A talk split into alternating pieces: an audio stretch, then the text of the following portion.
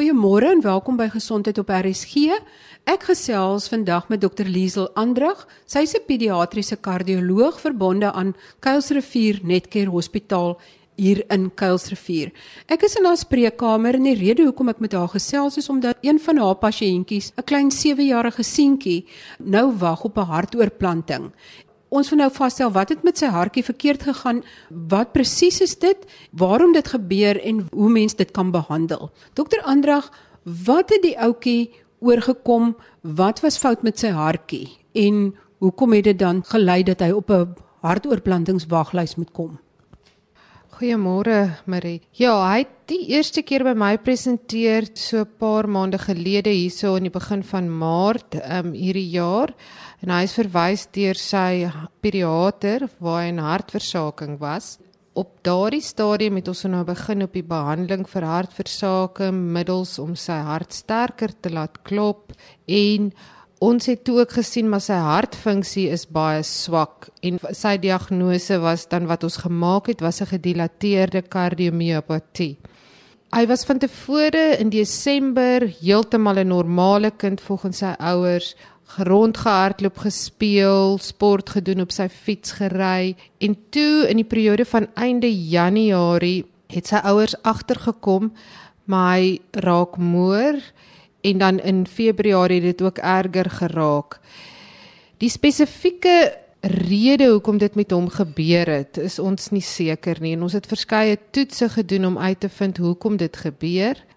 As ek nou sien by baie kinders sien ons soms dat gedilateerde kardiomiopatie veroorsaak word deur 'n virus wat hulle gehad het lank gelede en dan veroorsaak dit inflammasie in die hartspier, dan veroorsaak dit uiteindelik 'n baie swak werkende hartspier. By hom kan ons dit nie bewys nie. Daar's ook ander redes wat kan maak dat daar fout sou gaan met sy funksie van sy hart, maar ons kon nie regtig 'n diagnose um, bevestig nie. Kom ons kyk na die woorde gedilateerde kardiomiopatie. Wat presies beteken dit? Kardiomiopatie is wanneer die hartspier self aangetast is. Daar is verskillende soorte. Dan 'n gedilateerde kardiomiopatie beteken spesifiek dat die hartkamer raak baie vergroot, die wand van die hartspier is baie dun en dan klop die hartspier ook baie swak en hy trek baie swak saam om vir jou dan die bloed uit te pomp deur die aorta klep teen die sistemiese bloeddruk. Met ander woorde, dit is hoofsaaklik die linkerpompkamer wat ons hiervan praat, die linkerpompkamer, die spier wat met saamtrek, 'n baie belangrike spier omdat dit die bloed deur die hele liggaam moet pomp. En nou is hierdie spier uitgerek en dit kan net nie so sterk pomp soos wat dit moet pomp nie. Op die ouend is die hart vergroot en die spier klop swak en wat gebeur dan? Soos wat jou linkerventrikel nou groter raak en swakker klop, raak die pasiënt baie meer kort asem, raak moeg, kry buikpyn weens 'n lewer wat groot raak en dan ook die kort asem is want daar's meer vog op die longe en hulle is net moeg want die hart kan nie byhou aan die behoeftes van die liggaam nie. Hulle harte klop dan ook dikwels baie vinniger wat dan gebeur is hulle raak in hartversaking wat dan die bogenoemde simptome verklaar. As die hart in hartversaking is, met ander woorde, die hart is nou vergroot, hy klop vinniger, maar hy klop swak. So hy kry nie nog steeds nie genoeg bloed uit na die liggaam toe nie. Nou begin daar al vog op te bou in die longe, by die lewer, die niere trek ook seker al swaar en wat kan gebeur as mens dit glad nie behandel nie? Wel as mens glad nie behandel nie, dit hang af van die graad van die hartversaking. Daar's natuurlik verskillende grade. As 'n mens sou eintlik nie behandel nie en die pasiënt raak al hoe erger, dan gaan die hart eenvoudig nie kan byhou nie en die pasiënt gaan sterf. Maar daar is grade. Sekere pasiënte kan verbeter. Sommige pasiënte se hartfunksie bly nie dieselfde en sommige pasiënte se hartfunksie versleg. En dikwels is dit nie moontlik om te weet in watter groep jou pasiënt gaan val nie. En ons gee hulle baie tyd. Dis nie net 'n proses wat binne 'n maand of 2 maande gaan um, vir ons wys na watter kant toe dit gaan nie. As 'n pasiënt sou gaan herstel, gaan dit 'n hele paar maande vat. En hulle sê gewoonlik ons moet hulle kans gee tot 18 maande om te kyk of hulle herstel. Maar mense dikwels as 'n pasiënt soveel medikasie en soveel ondersteuning nodig het met medikasie, is dit dikwels die geval dat daardie pasiënt se hartspier nie gaan herstel nie. So as die pasiënt inkom en jy begin nou met medikasie, ek neem aan die eerste middel wat jy gee is 'n tipe ontwateringsmiddel om die ekstra vog van die liggaam af te dryf. Watter ander medikasie sit jy ook by? Baie van die middels is dan natuurlik soos jy sê is dat ons die water afdryf of middels gee en dis byvoorbeeld soos furosemide of Lasix soos wat almal dit ken in die akute periode en dan gee ons 'n ander middel by wat ons noem spironolactoon wat sekere paaie ook blok want ons verloor baie elektrolyte, soutte en kalium verloor ons deur ons niere met die Lasix. So dan sit ons dit by Dan saam met dit, as die pasiënt se niere dit kan tolereer, dan gee ons vir hulle middel wat die bloeddruk gaan verlaag, dat die hart nie so hard sterk gaan klop teen die weerstand van die liggaam nie. Ons is baie versigtig in 'n kind met so 'n middel en ons begin met baie baie lae doserings en die middel wat ons in kinders die mees algemene gebruik is Captopril of dan is daar 'n ander middel ook Enalapril. En dan wat ons doen in die akute fase, begin ons met middels, ons noem dit inotrope middels. Daar's 'n verskeidenheid van middels wat jy gebruik en die middels word spesifiek dan gebruik om die hart sterker te laat saamknop. En dit is middels soos dobutamine, dopamine, adrenalien en dan ook milrinone. So hang af van die kliniese situasie en van hoe siek ons pasiënt is, besluit ons dan watter middel ons gaan gebruik. Elke middel het natuurlik sy voor en sy nadele. So mense hou die pasiënt mooi dop en kyk wat hy gaan behaal, maar uiteindelik wil ons die pasiënt af hê van sy intraveneuse medikasie en ons wil om in staat stel om hy so te kan gaan op orale medikasie. Dan is daar nog middels wat ons noem beta blokkers wat wat baie gebruik word in volwassenes en dis nog nog nie so ekstensief getoets in kinders nie. Maar dit word al hoe meer gebruik in kinders. En dan een van die middels wat gebruik word is Calvedolol. En dan 'n ander middel wat dan ook gebruik word wat meer selektief werk net op die hartspier is dan Bisoprolol. So hierdie kind is spesifiek ook begin op Bisoprolol en wat dit dan doen is, dit maak dat jou hart stadiger klop, so hy werk nie so hard nie en hy gebruik minder suurstof. Daar's ook bewyse dat soos wat die siekteproses aan die gang word, dan gaan van die selle wat in die hartspier is gaan dood. Ons noem dit apoptose. En dit lyk asof hierdie middel um, by Saprolol dit verminder. En dan is ook daar van ons ouere middels wat ons gebruik, ehm um, soos die Goxin. Maar weer eens, dis ook 'n middel wat ons gebruik en weer eens in kinders gebruik ons dit oraal.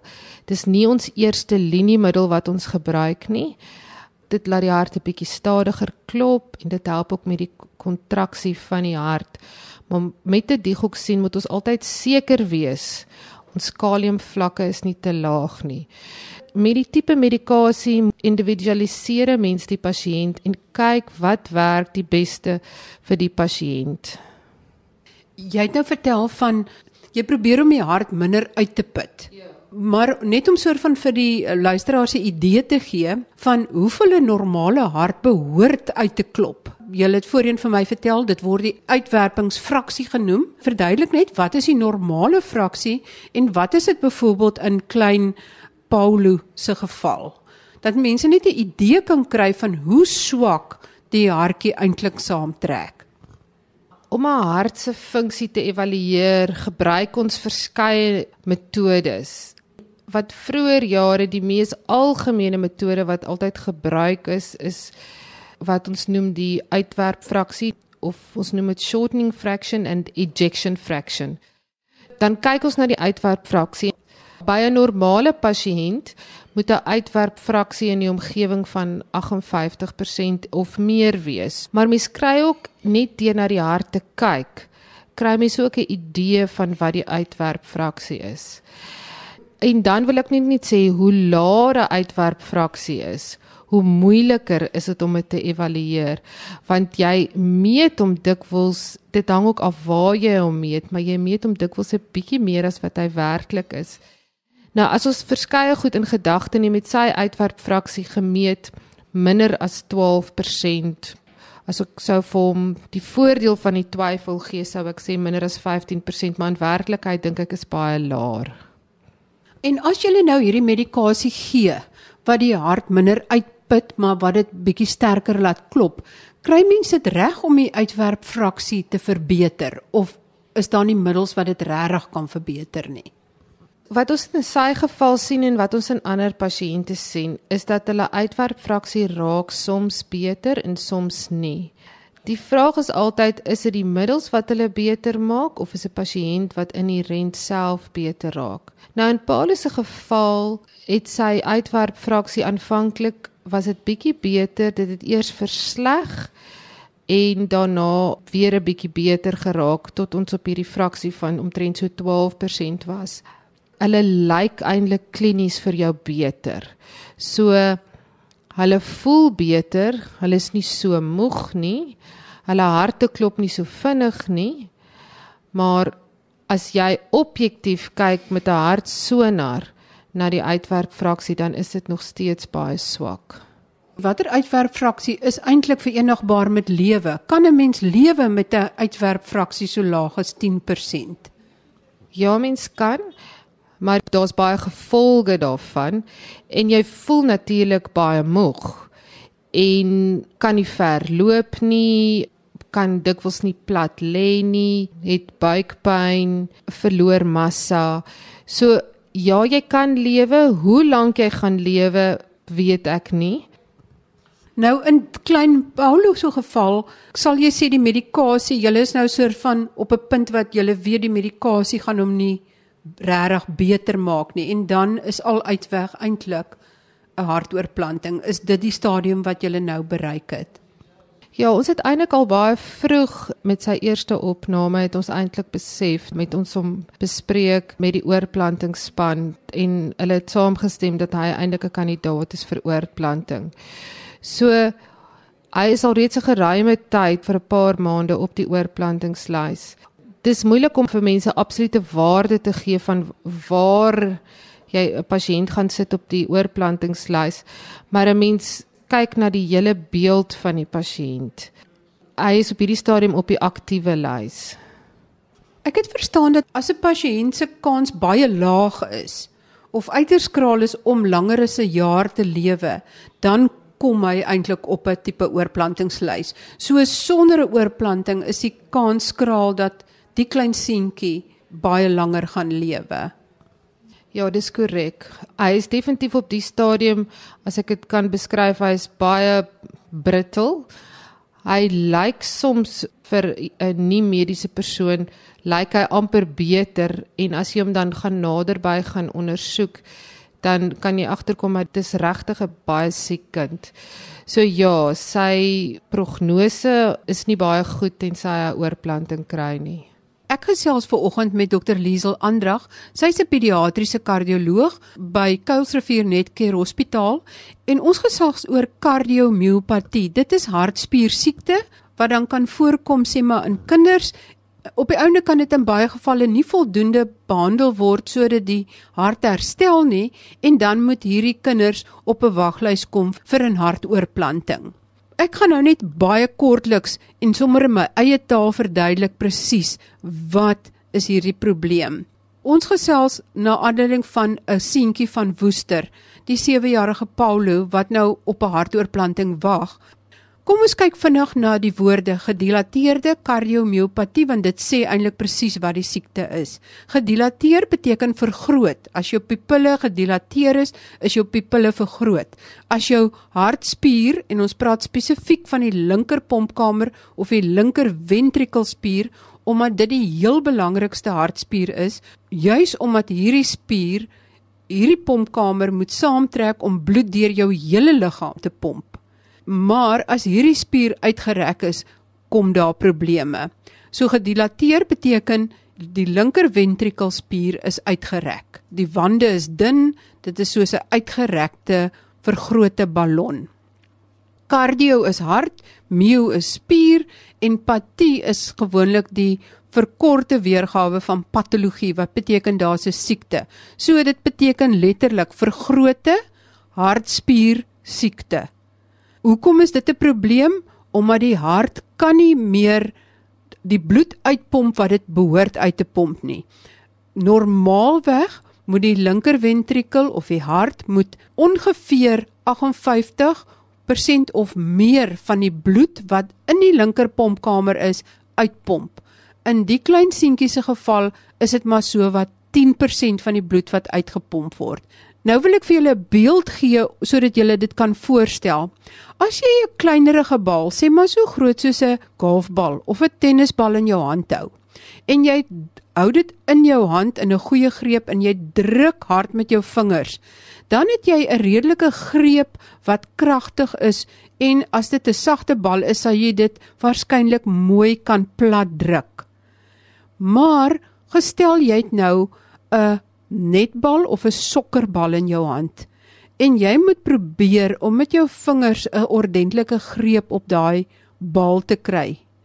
Dit is baie moeilik en dis presies wat gebeur met 'n hart wat vergroot is. Omdat hy vergroot is, is dit asof daar nie 'n behoorlike greep is op die hartspier om die bloed uit die hart uit te pomp nie. En as daai spier nou nog boonop uitgerek is, soos 'n verrekte ballon, dan gaan dit nog moeiliker wees. En dan probeer die liggaam kompenseer.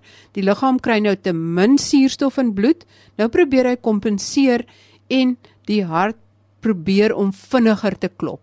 Maar dit is vinnige, swak sametrekkings wat eintlik glad nie help om veel meer bloed en suurstof na die liggaam te kry nie. En as hierdie vergrote hart vinnig maar swak saamtrek, dan is dit hartversaking. En hartversaking het baie gevolge. Dit het 'n uitwerking op die longe, die lewer, die niere en vog word teruggehou en dit het um verskeie effekte. Dit is net in 'n neutedop oor wat ons in die eerste helfte van die program bespreek het. Ek gesels nou verder met dokter Andrag oor kardiomiopatie en wat daarmee gepaard gaan. Dokter Andrag, dan wil ek net soort van amper uit Paulus se geval nie vir algemeen nie maar meer 'n breë boodskap probeer uitkry en dit is dat 'n virus siekte kan eintlik jou hartspier aantas. Ja, ek meen dis moeilik om te sê in watter mate maar 'n virus siekte kan 'n mens se hartspier aantas. En ek dink daarom ook is dit belangrik dat wanneer 'n pasiënt 'n virusinfeksie het, moet mens nie oormatig aktief wees en oefening doen vir alles hulle um ook koorsig daarmee saam is. Maar dit is ook so dat klein kinders word makliker geaffekteer en dan spesifiek ook ouer mense. Met ander woorde, as ek dit kan opsop kan mens sê dat sommige virusse en mens weet nie altyd presies watter dit is nie, kan vir sommige mense ontsteking van die hartspier gee mens kan nie noodwendig voorspel watter virus en in watter mens dit gaan gebeur nie, maar dit kan gebeur. En terwyl daardie ontsteking in die hartspier aan die gang is en dit staan dan bekend as cardio hart myo spier karditis ontsteking met ander woorde hartspier ontsteking terwyl dit aan die gang is en daardie persoon doen oefening of plaas groot stres op die hart, kan dit die skade, die moontlike skade wat dalk veroorsaak kan word, kan dit dalk vererger.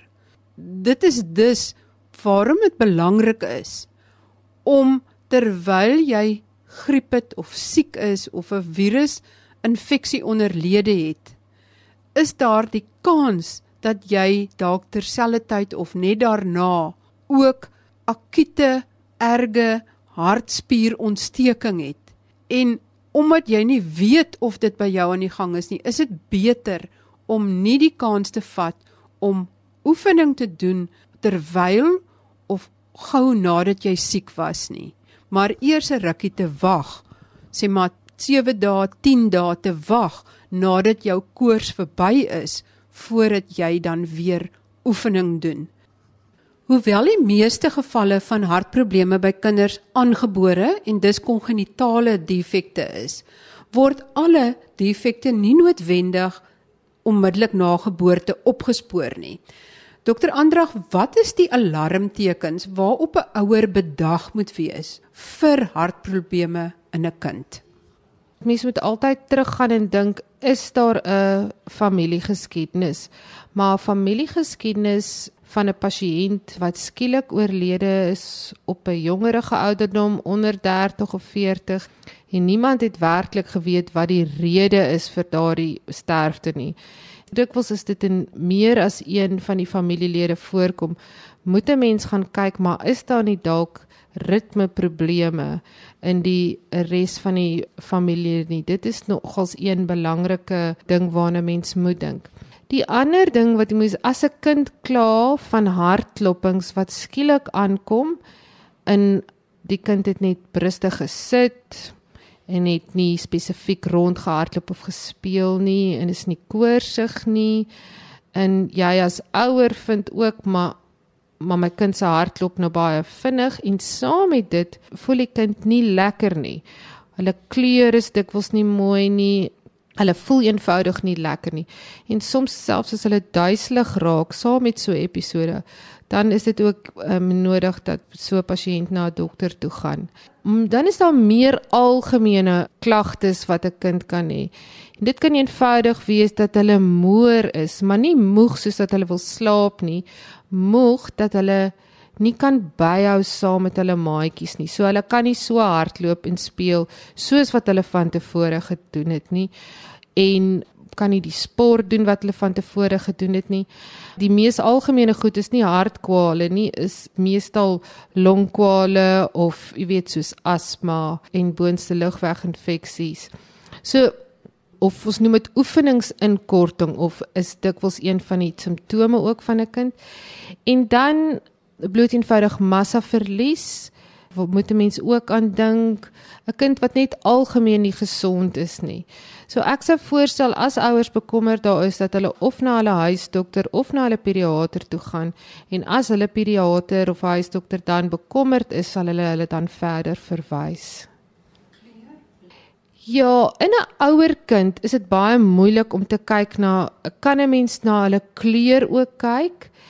Ehm um, dikwels die pasiënte wat 'n uh, so 'n bietjie 'n donkerige kleur het, ons noem dit dusky of 'n bietjie 'n blouerige kleur, die tongetjie is bietjie blouerig, dan sal 'n mens dink maar daar is 'n kongenitale hartprobleem en dit kan inpas met 'n kongenitale hartprobleem.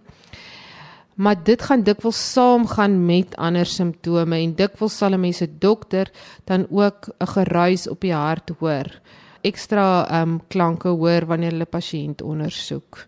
So dis ook een van die simptome. So iets word dikwels opgetel wanneer pasiënte gaan vir hulle roetine opvolg ondersoeke by hulle dokters.